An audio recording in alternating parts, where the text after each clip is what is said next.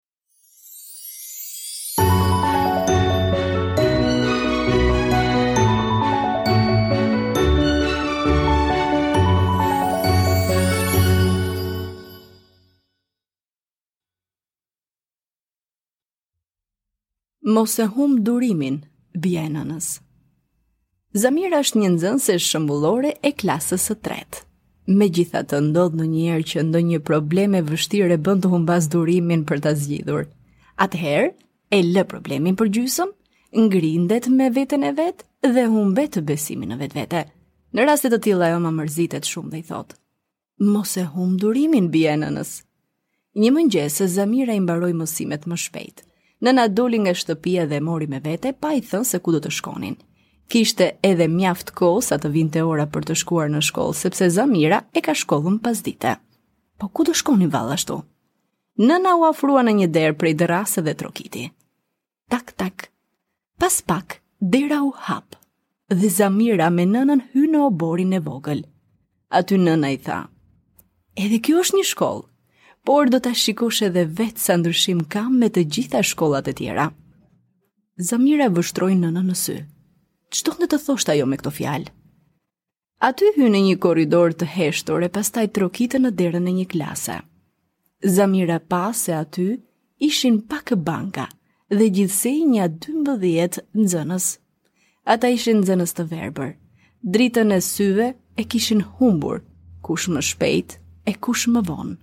Megjithatë, kishin mësuar të lexonin e të shkruanin. Mësuesja u shpërndau disa fletë të veçanta ku çdo shkronjë përfaqësohej nga një ose më shumë korniza të vendosura në mënyra të ndryshme. Ato korniza kishin disa kokrra të vendosura ngjitur e ngjitur. Zamira po vështronte me vëmendje. Duke i prekur ato kokrriza me mollëzat e gishtave, ata lexonin fjalët që ishin shkruar aty. Pastaj mësuesja u shpërndau disa kartela. Me anë të një pince të vogël ata filluan të shkruajnë.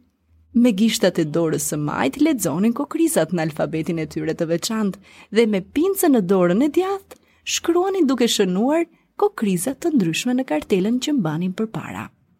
Zamira ndiqte me kërshëri çdo lëvizje të tyre. Si është e mundur? Si është e mundur, mendonte ajo, të lexojnë kaq mirë dhe të shkruajnë kaq shpejt këta nxënës të verbër. Kur dolën nga kjo klasë, ajo dhe nëna e saj hynë në një klasë tjetër, në atë të shurdhmemecëve.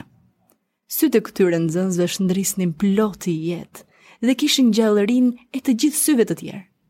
Por këta fëmijë mbanin të gjithë kufje në vesh, nëpërmjet një aparati në të cilin ishin lidhur disa kufje dhe ata dëgjonin tingujt e fjalëve të ndryshme që shqiptonte mësuesja.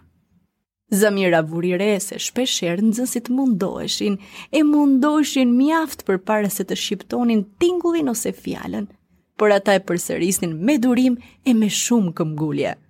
Kur e shqiptonin mirë, edhe mësuesja ishte e kënaqur, sytë e tyre fitonin gjallëri të veçantë.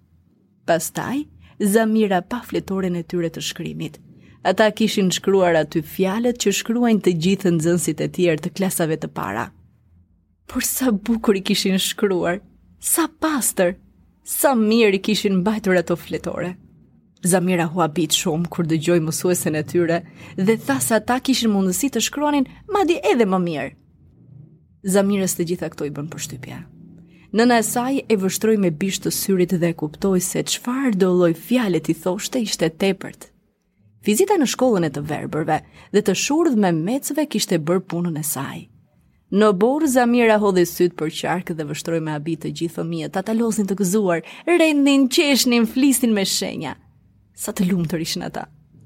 Duke i vështruar, Zamirës iu kujtua se një ditë, kur donte të linte problemin për gjysmë, nëna i kishte thënë. Zamira, ki durim.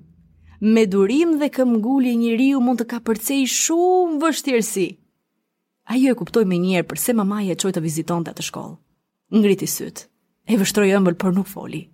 Ajo e falënderoi në heshtje.